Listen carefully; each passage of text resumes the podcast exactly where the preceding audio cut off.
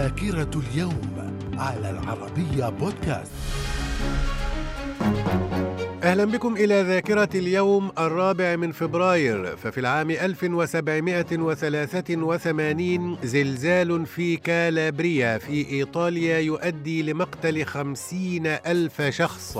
في العام 1789 انتخاب جورج واشنطن رئيسا للولايات المتحدة الأمريكية. في العام 1902 جمعية الاتحاد والترقي تعقد مؤتمرا في باريس بعنوان مؤتمر أحرار العثمانية. جمعت فيه المعارضين للسلطان عبد الحميد الثاني واتخذ عدة قرارات منها أن تؤسس في الدولة العثمانية إدارات محلية مستقلة على أساس القوميات. من الذاكرة. ومن ذاكرة الرابع من فبراير في العام 1941 القوات البريطانية تستولي على مدينة ماووس الليبية في إطار الحرب العالمية الثانية. وفي العام 1942 الجيش البريطاني يحاصر الملك فاروق ملك مصر في قصر عابدين ويخيره إما أن يكلف زعيم الوفد مصطفى النحاس بتشكيل الحكومة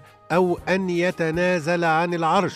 وانتهى الحصار بتنفيذ الملك فاروق لشروط الإنجليز. في العام 1945 افتتاح مؤتمر يالطا الذي جمع بين القادة المنتصرين في الحرب العالمية الثانية جوزيف ستالين وفرانكلين روزفلت ووينستون تشرشل وذلك لتحديد كيفية استسلام ألمانيا وتأسيس منظمة الأمم المتحدة. من الذاكرة. ومن ذاكرة اليوم الرابع من فبراير في العام 1952 القوات الفرنسية تحاصر قصر ملك المغرب محمد الخامس وتجبره على اتخاذ بعض القرارات منها عزل بعض أعضاء ديوانه وعزل رئيس جامعة القرويين في فاس. وفي العام 2003 جمهورية يوغوسلافيا الاتحادية تغير اسمها رسميا إلى جمهورية صربيا والجبل الأسود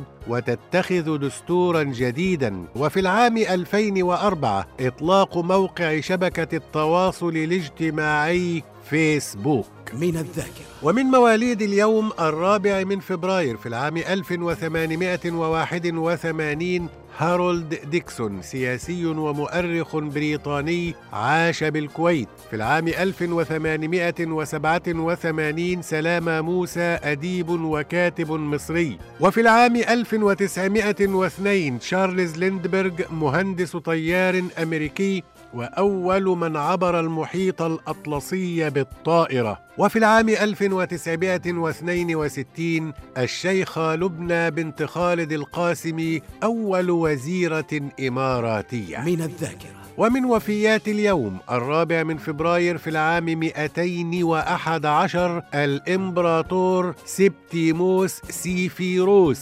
الإمبراطور الروماني الحادي والعشرون. من الذاكرة. وفي مثل هذا اليوم الرابع من فبراير من كل عام يحتفل باليوم العالمي للسرطان. من الذاكرة. إلى اللقاء.